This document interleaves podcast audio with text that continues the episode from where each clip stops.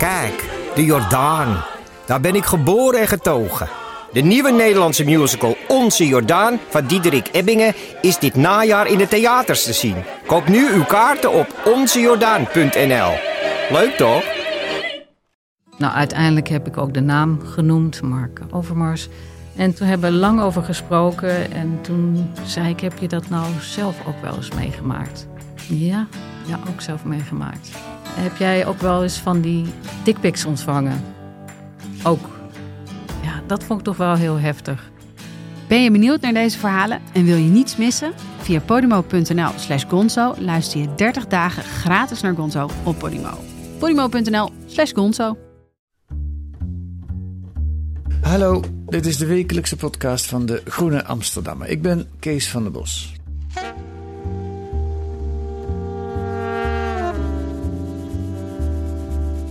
Fred de Vries woont al 17 jaar in Zuid-Afrika. Hij is een genuanceerd mens. Hij schrijft voor de Groene Amsterdammer en ook voor Elsevier, een links- en een rechtsweekblad. Om Zuid-Afrika beter te snappen, trok hij vorig jaar ruim drie maanden rond in Zuid-Amerika om daar de rassenscheiding te onderzoeken via de muziek. En deze week schrijft hij in De Groene over de oorsprong van de witte suprematie, de gedachte dat de witte man een beter mens is. En hij komt uit bij onze geschiedenis, de slavernij, die de VOC groot heeft gemaakt. Moeten we weer sorry zeggen? Fred de Vries is vandaag te gast in de podcast. Dag Fred. Hallo. Um, mag, ik, mag ik iets corrigeren? Jazeker. Ik, ik trok niet rond in Zuid-Amerika, maar in de zuidelijke staten van de Verenigde Staten. Ja, natuurlijk. Je hebt helemaal gelijk. Ja. De Deep South. Ja. Het diepe zuiden. Ja. Het was wel vorig jaar of was het nog een jaar daarvoor? Nee, die, die reizen waren in 2016. Ah, en het boek Wiegenlied Ja. voor de Witte Man, dat Ja. verscheen vorig jaar. Eind vorig jaar. Oh ja, daar, daar, zo kom ik erop. Oké. En Ja. klopt het wel wat ik zei, dat die reis in het diepe zuiden van de Verenigde Staten jou hielp om eh, Zuid-Afrika beter te begrijpen, of de rassenscheiding beter te begrijpen? Ja, ja, heel erg, ja. Want je, ja, bedoel, Zuid-Afrika is natuurlijk het proto-voorbeeld van rassenscheiding, tijdens apartheid met name. Ja. En ik had me nooit zo gerealiseerd hoe erg dat in Amerika ook geweest was. Ik bedoel, je weet wel wat van die geschiedenis, maar ook dat de, de, de- hoe die steden eruit zien, Ja. dat dat precies hetzelfde is eigenlijk als hier met eh, zwarte wijken aan de verkeerde kant van de spoorlijn. Ja. En ik had vaak het idee dat ik daar rondreed en dan dacht ik, is dit nou Amerika of Zuid-Afrika? Weet je wel, dat je Ja. denkt, is het Pretoria of Ja. Tuscaloosa? Ja. Oh ja, ja, Ja. Tuscaloosa. Ja. ja, ik heb ook Dus wel eens in zo'n volkomen zwarte wijk in New Orleans, geloof ik, rondgelopen. En dan denk je bijna alsof je op een filmset zit. Ja, ja. Bedoel, je denkt, je kunt je niet voorstellen dat het echt is. Dan ben je de enige blanke die daar loopt. ja.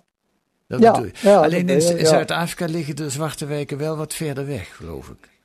Ja, maar hier in Kaapstad heb je de, de, de gekleurde wijken. Ja, Eh, die liggen dicht tegen de stad aan. Die waren een soort buffer tussen wit en zwart. ja, ja. Dus Ja. je hebt het centrum, dat is wit. En, en, en de mooie groene suburbs zijn allemaal wit. Ja, En dan krijg je daaromheen een ring van kleurlingen, zo is dat werd genoemd. ja. Eh, bruine mensen, ja. wijken. En daarbuiten liggen dan weer de, de zwarte wijken. Die liggen het verst van, Ja. van, Ja. van het mooie af. Daar gaan we het zo nog over hebben. Ik wil eerst even iets eh, over, over jou eh, te weten komen. Jij bent, eh, hoe oud ben je? Ik ben 61 inmiddels. En, en- en je 17 jaar in Zuid-Afrika, maar je zit al veel langer in Afrika, hè? in andere landen ook. Ja, ik heb vijf jaar in Kenia en Oeganda gewoond. Ja, En toen drie jaar in Zuid-Afrika, tussen 92 en 95. Eh, toen heb ik de verkiezingen ook meegemaakt, waar Mandela eh, als president werd de gekozen. eerste verkiezingen, ja. Ja, de eerste democratische verkiezingen. ja.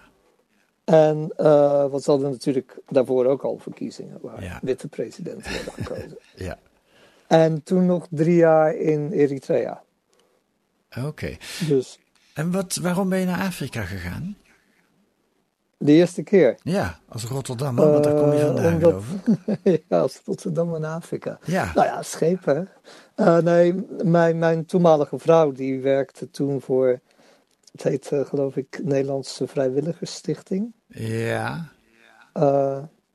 Stichting Nederlandse Vrijwilligers. St- SNV. SNV, ja. Ja. Stichting Nederlandse Vrijwilligers. Daar Ja. werkte zij voor. En zij kreeg een baan in Kenia. Dus, en, en ik was net afgestudeerd. was Dus, eh, 85 of zo, denk ik. ja. Ehm, dus toen ben ik meegegaan. En toen van Kenia zijn we naar Oeganda gegaan. Dus dat was in totaal vijf jaar. En Ja. toen, eh, toen heb ik het Afrika-virus waarschijnlijk opgedaan. En het, het begon dus al, al zoals vaak via de liefde. Ja, ja, ja. En, en eh, dat waren natuurlijk ook zware tijden, midden jaren tachtig, crisis. Ja, En helemaal geen uitzicht op werk. Ja. En zij had, een, ik bedoel, dat was geen goed betaalde baan, maar het was wel een redelijk betaalde baan. En het was een avontuur, dus ja, ja, dat kostte weinig tijd om te beslissen om mee te gaan. ja. En jij was al journalist? Of heb je je daar ontwikkeld tot journalist? Toen je daar Nee, daar, daar ben ik toen een beetje als freelancer begonnen. Ja, Ik had eigenlijk nog nooit echt iets geschreven als journalist. ja. En toen ik terugkwam in 1990 heb ik de postdoctorale opleiding journalistiek in Rotterdam gedaan. Aha. Aan de Erasmus Universiteit. Ja, ja. Oké, en nu, dat intrigeerde mij ook, schrijf je voor, dat zijn er niet veel volgens mij, die en voor De Groene en voor Elsevier schrijven. Hoe doe je dat? Ja, ik zeg altijd tegen vrienden, ik schrijf mijn linkse stukjes voor Elsevier en mijn rechtse stukjes voor De Groene. Maar, ehm, nou ja, je, als, als freelancer heb je natuurlijk, het is geen vetpot. Ehm, En ik heb vroeger, toen ik de eerste keer in Zuid-Afrika zat, ook voor Elsevier gewerkt. Mhm. En toen ik hier was, ik had Xandra benaderd. Xandra eh, Schutte, de, Ja. de hoofdredactrice van De Groene. Ja. Die werkte toen nog voor Vrij Nederland. Ja, En toen heb ik twee stuk of zo voor Vrij Nederland geschreven. En toen ging zij naar De Groene en toen heb ik er een mailtje gestuurd van... ik wil graag voor je blijven werken. Als je nu naar De Groene gaat, zou ik het leuk vinden om ook voor hun te schrijven. En toen zei ze, ja, dat is heel leuk, maar we betalen heel slecht. Ehm, en ik zei van, nou ja, dat, dat moet dan maar. Hè? Want je Ja. kan grote stukken schrijven en het, het Ja. is een, een, een beetje een blad van vrijbuiters. Dus, Ja. eh, Maar ja, ik moest wel rondkomen. En toen ging de verslaggever van Elsevier hier weg uit Johannesburg. en die betalen En beter? kwam die plek vrij en die betaalde veel beter, ja. Eh, maar inmiddels heeft de Groene het zodanig bijgesteld dat het elkaar niet zo veel meer maakt hoor. Kijk, Dus toen was even de vraag, eh, ja, hoe zit dat? Eh Sandra zei, ja, voor, voor mij is het geen probleem. Als je de goede, bedoel, als je de stukken die voor ons eh, bruikbaar zijn, maar eerst bij ons aanbiedt. ja, En Elsevier zei van een beetje hetzelfde. En zij en, en eh, de hoofdredacteur van Elsevier kennen elkaar goed en zo. Dus dat, dat ging eigenlijk allemaal vlekkeloos. En dat heeft elkaar ook nooit echt gebeten. En ik schrijf nu ook voor de Nieuwe Revue. Dus ik schrijf voor alle drie de overgebleven weekbladen. ja, ja. Nou, je bent een echte ja, freelancer. Je moet je, je, je hoofd boven water houden. Ja. Oké, we gaan naar eh, Zuid-Afrika. We gaan naar Kaapstad, eh, eh, naar District 6. Eh, ik laat je eerst een fragment horen. District 6, moet ik wel even zeggen, is een, is een, was een hele mooie wijk in eh, Kaapstad. En die is in 1969 afgebroken, omdat de rassen van elkaar gescheiden moesten worden. In Cape Town itself is a sprawling vacant expanse known as District 6. What happened here is commemorated in the District 6 Museum. District 6 was almost the biggest area in District 6. Almost 70,000 people were removed from the area because of apartheid. Now, I think one of the reasons was also because the area was very cosmopolitan. Many whites lived here. We had a lot of Jews in District 6. We had blacks, Indians, Hindus, Portuguese, Chinese, Japanese, you name it, all kinds of people. And we were like one big happy family. I think that was a problem. The apartheid government, they didn't like that because we proved to them it can work. So in 1966, they declared District 6 a whites only area. And then in 1970, they started bulldozing every single house and building. The day they bulldozed my home, I was actually watching them. I was standing right on the opposite side when they bulldozed my home. Dit heb ik geplukt van een documentaire die op YouTube stond. Weet je eigenlijk waar dit uitkomt, Fred? Of ken je dit fragment niet? Nee, ik ken het niet. Nee. Het klinkt Amerikaans. Maar deze meneer stond dus tegenover zijn huis terwijl ze het aan het eh bulldozeren waren. Ja. Ehm, En er is nog zo'n wijk, Harfield in, in Zuid-Afrika. Daar, daar zijn, die dan niet helemaal tegen de vlakte gegaan, maar daar moesten geloof ik alle zwarte wel, ook in de jaren zestig, eh, uit verdwijnen. Het was allemaal... Nou, ook kleur, de, de kleur, er was een kleurlingenwijk. Oké. Er zijn er heel veel, hè. Ik bedoel, ik noem Harfield en District 6 in mijn verhaal voor de Groene, maar ik geloof dat er wel twaalf zijn of zo. Oh. Wijken waar iedereen. Ja. ja. in totaal. En ook niet alleen in Kaapstad hoor, ook in Johannesburg en in Port Elizabeth. Ja. Ik geloof dat er in totaal 3,5 miljoen mensen zo verplaatst zijn. Ja. Ja, dus het is een enorme, enorme ontruiming geweest. Ja. Want wat die meneer ook vertelt in dit fragment, District 6 was gewoon een gemengde buurt. Met, en het ging goed met alles erop en aan. En dat kon natuurlijk niet in de, in de, in de theorie van de apartheid. Ja, nou, de officiële reden was dat het een gezondheidsgevaar opleverde. en uh, het, het, was denk ik ook wel vrij smerig. Ik bedoel, het, wordt een beetje vergeleken soms met het Londens East End, zoals het vroeger was. En uh, bepaalde delen van Parijs, uh, toen het nog, nog een vuile stad was. Ook District 6 was smerig, ja. oké. Ja, het was, ik bedoel, als je die foto's ook ziet van vroeger, dan kan je je voorstellen dat dat niet. En er, er, was ook een, uh, een, keer een bucolic plague, geloof ik, uitgebroken. Ik bedoel, het was oh, ja. geen, uh, geen mooie, uh, lommerrijke wijk of zo. Het, mm. was, het was een, een, een, een ja, mix van alles. En het was working class. Mm -hmm. En het was natuurlijk jaren 50. Ik bedoel, dingen werkten toen nog niet zo goed. En die apartheidsautoriteit had ook niet zoveel zin om daar geld in te investeren. Dus als je het een beetje op zijn beloop laat, dan uh, wordt het een self-fulfilling prophecy. Dan, dan wordt het wel smerig op den duur. En er waren ook, bedoel, het wordt wel vaak heel romantisch afgeschilderd hoor. Okay. Van iedereen leefde daar vreedzaam samen. Zo, er, er waren ook gangs en ja. het was misdaad. En er werd stevig gedronken. En het was een vrij wilde, wilde wijk, denk ik. Ja, maar als je het hebt over gezondheidsredenen. Ik heb ooit een dag rondgelopen in de echte zwarte wijk van Kaapstad. Ik ben de naam kwijt. Jij bent, jij bent daar vast ook veel vaker geweest. Uh, daar gaat het toch ook niet hygiënisch aan toe? Nee, helemaal niet. Nee, dat is natuurlijk. Erger dan ja. daar kan het nooit geweest zijn. Nee, open riolen en zo. Ja, natuurlijk. Ja, ja, ja. Dus het, het, het loste niet echt een gezondheidsprobleem op, zal ik maar zeggen. Mm, ja, maar dat zijn zwarte wijken. Die, die, die, de, de gekleurde bevolking, die, daar werden flats voor gebouwd. Mm -hmm. Op wat nu de Kaapse vlakte heet. Ja. En, um, en hele kleine huisjes. Ik bedoel, er werd, die, die zwarte townships, die zijn vaak echt krottenwijken met golfplaten, ja. hutjes. Oh ja, en townships. van karton en van hout en zo, ja. Ja. Maar die, die gekleurde wijken, die, bedoel, die liggen dan, weet ik veel, 16 kilometer buiten de stad of zo. Mm -hmm. En daar werden ze dan met uh, hele hebben en houden heen.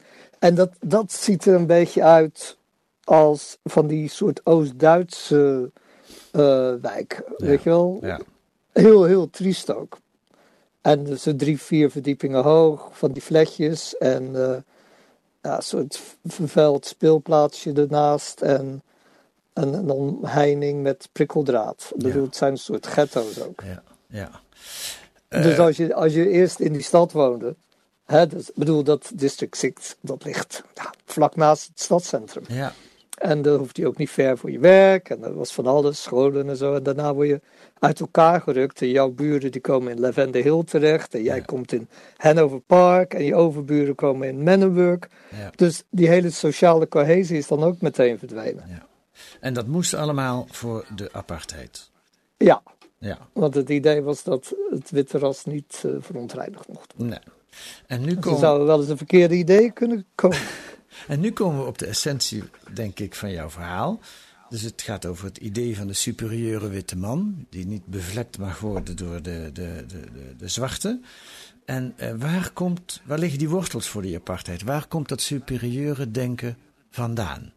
En dan kom jij uit. Ja, ja ik, ik heb het aantal mensen gevraagd. Ik bedoel, ik ben natuurlijk geen eh, historicus. Nee. Maar waar, en waar ik in Amerika ook op stuitte, ehm, is dat de grondslag ervoor werd gelegd door de slavernij. Want bedoel, die slavernij dat was zeg maar 17e en 18e eeuw en eh, Ja. een stukje 19e eeuw nog. Ja. En eh, die slavenhandelaren die kwamen uit godvrezende christelijke naties.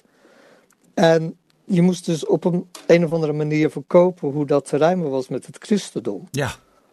Hoe je daar eh, grote massa's mensen, bedoeld waren hier, ik geloof ik 60.000 of zo, die ze naar Zuid-Afrika hebben gebracht. En bedoel, naar Amerika zijn het, ik weet niet meer, een paar miljoen. Mhm. Ehm, maar hoe, hoe verkoop je dat voor jezelf? En dus er werden allerlei dingen verzonnen van eh, die mensen, die zwarte mensen, of verkleurde mensen, wat het ook mochten zijn, die zijn gewoon van een lager niveau dan wij. En eh, dat had dus het slavernij had het voordeel dat ze daar de beschaving werden gebracht. Mhm.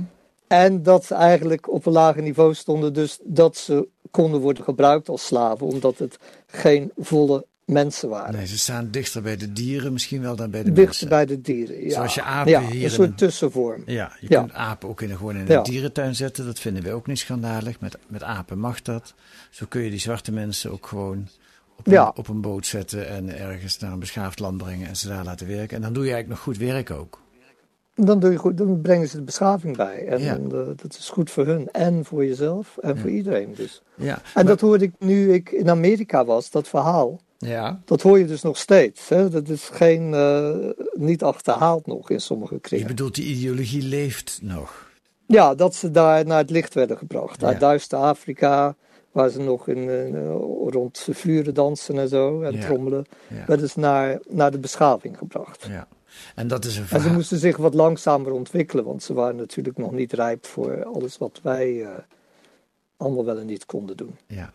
Het is een, een, een diep racistisch verhaal. Ja. ja, en de Bijbel werd er ook vaak bij gehaald. Hè? Het Oude, Oude Testament Er was een, eh, een passage over, ik weet niet hoe je het uitspreekt, Kam of Kanaan of Gaam, ja, ik weet ook niet. Gaam, ja. Ja. Die, zijn vader, die had zijn vader belachelijk gemaakt en er werd een vloek over hem uitgesproken.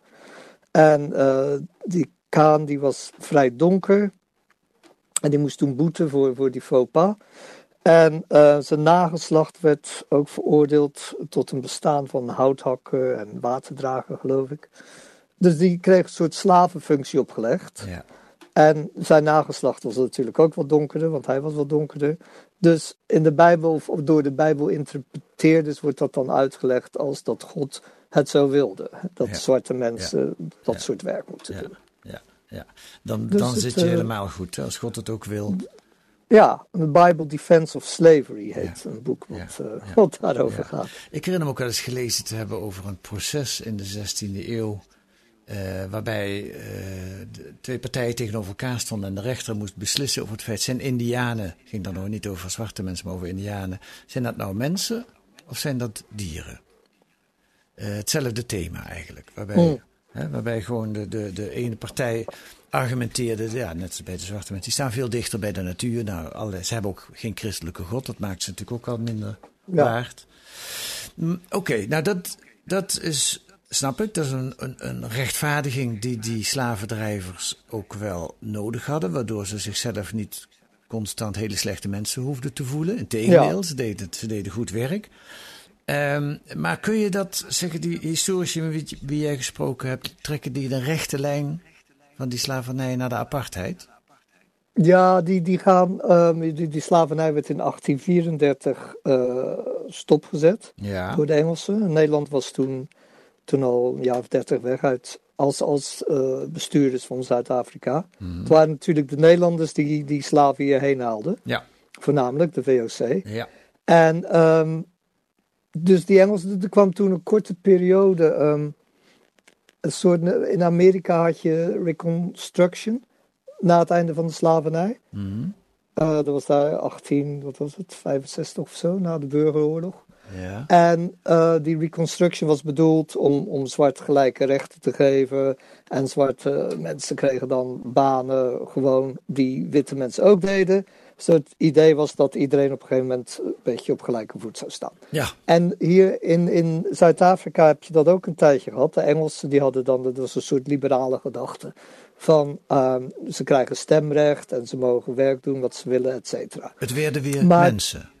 Het werden, ja, het werden weer mensen.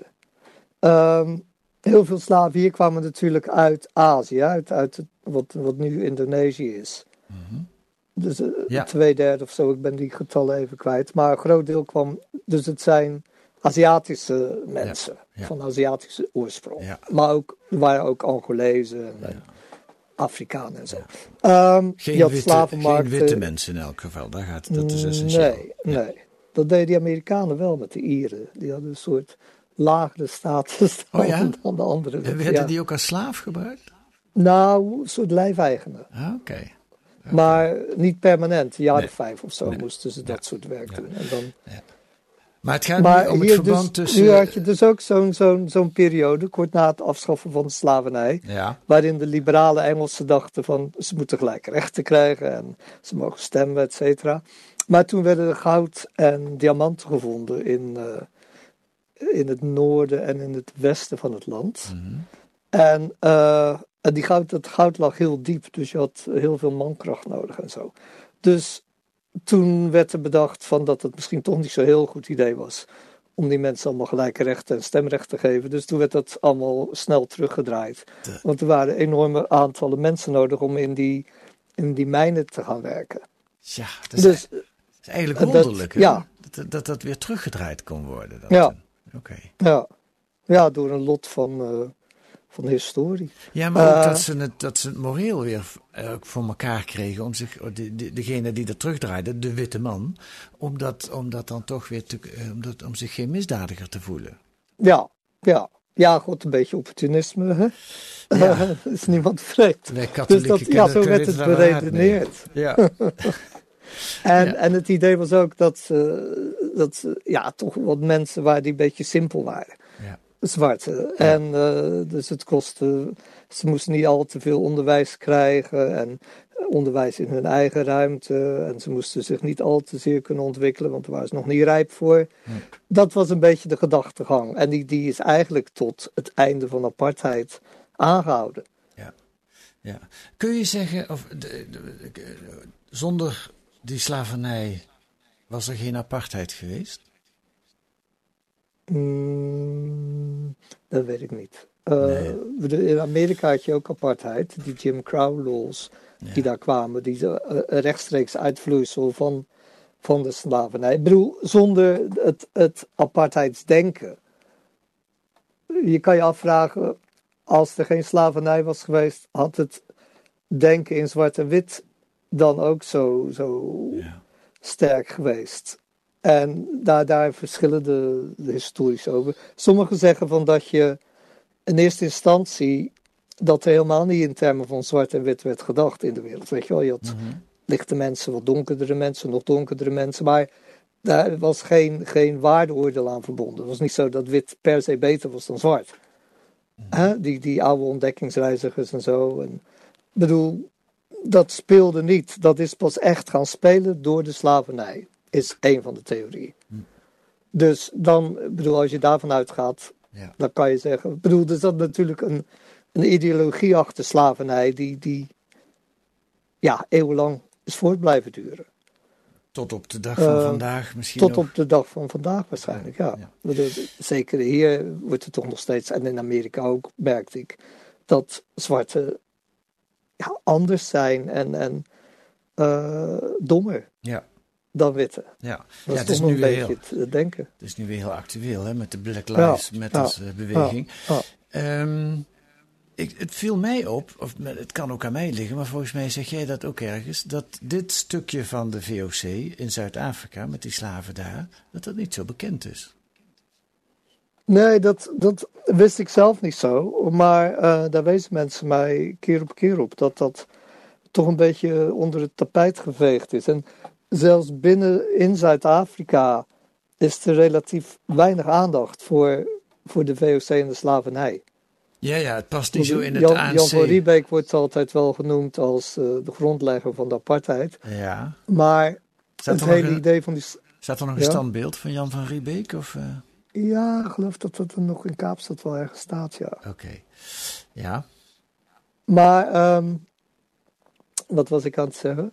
Eh, Oh de- ja, die, die slavernij die krijgt, die krijgt relatief weinig aandacht. ja, Binnen het ANC vooral. past ook niet binnen het ANC-verhaal hè, van de bevrijding. Past niet binnen het ANC-verhaal, nee. Nee, nee. Nou, laten Want we even... dat gaat over apartheid Ja. rechtstreeks. En Ja. de zwarte bevolking hier, die heeft geen hinder gehad van de slavernij. Ik bedoel, dat waren geen tot slaafgemaakten. Dat waren gewoon stammen die hier leefden. En die werden door de kolonisatoren eh, overgenomen. Maar de slaven, dat is, de afstammeling van de slaven is vooral de bruine bevolking. Ja, ja. En dat is een heel klein deel van de bevolking, 10% of zo. Wat is toch En dat zijn ook niet per se allemaal slavenafstammelingen. De, de kleurlingen was een soort amalgaan van mensen die van slaven afstammen. En van de oorspronkelijke Zuid-Afrikanen, de Khoi en de San. En van mensen met gemixt eh, Ja. bloed. Dus is- als jij een, een, witte eh, plantagehouder of een wijnboer had die een kind had verwekt bij de meid, zoals ze zeggen. Ja, Dan werd dat kind daarvan werd kleurling. ja, ja. ja, het is een vreselijk ingewikkeld verhaal wat ze met de apartheid. Heel... Ehm, eh, nu gaat het erom, tot slot, hoe moeten wij eh, als Nederland hiermee omgaan? Hè? Jij vertelt het nu, eh, het is natuurlijk niet helemaal onbekend, maar het is niet erg vaak verteld. Ik weet, eh, we hebben in Nederland de eh, feestdag, Surinaamse, nou ja, feestdag, herdenkingsdag van de afschaffing van de slavernij. En ik wil een stukje laten horen wat Abu Talib, de burgemeester van jouw stad, van Rotterdam, vorig jaar tijdens die eh, herdenking zei. Ik heb inderdaad vorig jaar de regering opgeroepen excuses te maken voor dat verleden. Daar kwam een reactie namens het kabinet van de minister van Binnenlandse Zaken. Ik vond die reactie teleurstellend. Ik zeg het nog een keer, ik vind die reactie nog steeds teleurstellend. En waarom? Wel, omdat alleen grote naties en grote namen sorry zeggen. Ik zeg het nog een keer tegen de regering. Durf groot te zijn. En durf sterk te zijn. En zeg sorry. De angst voor het feit dat nazaten van die vreselijke geschiedenis een sorry zouden vertalen in een financiële claim is mij daar niks van gebleken.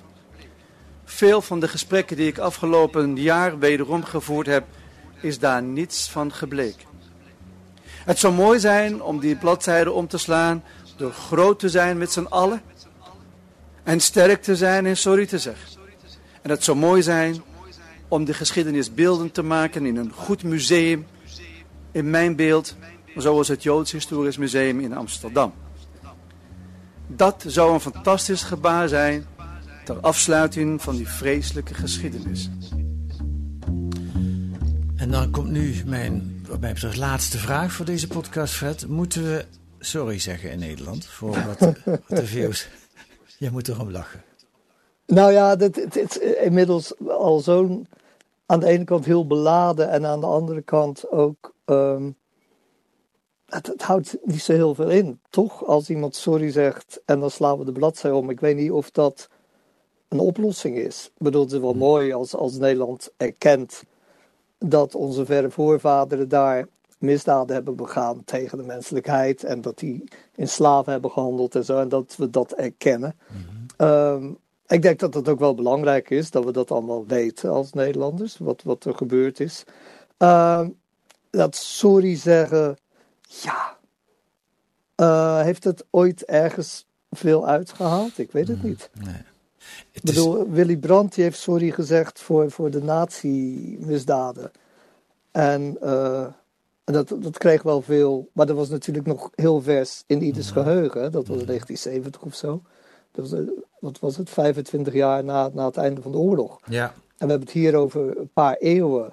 Ehm, ik denk dat het belangrijker is dat er op een of andere manier eh, mensen zouden kunnen worden geholpen die het slachtoffer geweest zijn van, van die slavernij en van die uitzettingen uit hun, uit hun huizen en zo. Kan dat Eh, nog? Maar of nee, ja. Ik bedoel, het is sowieso heel moeilijk te achterhalen wie allemaal Ja. afstammen stammen van, van slaven tot slaafgemaakten. Eh, soms kan je het nog aan de achternaam zien. Weet je, als iemand Mhm. Malgas heet, dan, dan komt dat van Madagaskar. En dat betekent dat het een slaaf uit Madagaskar was. maar je bedoelt... Maar ja, ja, ik, ik vroeg het die mensen ook en die zei ook van, bedoel, Nederland moet erkennen dat dat gebeurd is en het moet eh, vermeld worden. En eh, ik geloof dat er een slaven tentoonstelling zou komen in het Rijksmuseum dit jaar. ja, dat was sprake van. Ik weet, ben het even kwijt. Maar die is nou geloof ik weer afgelast of uitgesteld. Ja.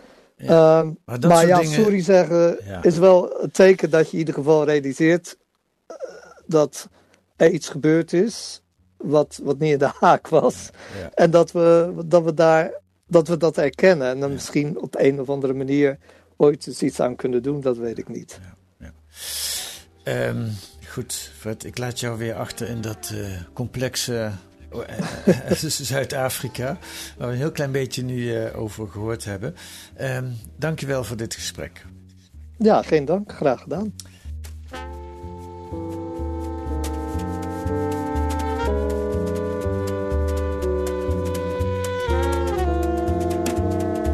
Lees deze week het verhaal van Fred de Vries in het dubbeldikke zomernummer van De Groene. Verder ook een achtergrondreportage van Kisa Magendane over de staat van de Afrikaanse diaspora. Dat is een echte virtuele staat, erkend door de Afrikaanse Unie met een regering, een parlement en verkiezingen waar Afrikanen zich wereldwijd bij aansluiten. En dan hebben de Groene Recent Center voor u de beste reisboeken op een rijtje gezet. Van James Salter en Neschio tot Virginia Woolf en Edward St. Auburn. Dat kunt u lezen met een abonnement of een proefabonnement. Ga dan naar groene.nl. Dan kunt u drie maanden de groene kunt krijgen voor 30 euro. U kunt reageren op deze podcast. Stuur dan een mail naar podcast.groene.nl. U kunt ons ook sterren geven in de podcast-app, daar houden we erg van. En volgende week zijn we er weer met analyses en achtergronden bij het nieuws in deze podcast van de Groene Amsterdammer. Die deze week werd gemaakt door Mariska van Schijndel en Kees van der Bos. En de muziek is zoals altijd A Tune for N van Paul van Kemenade.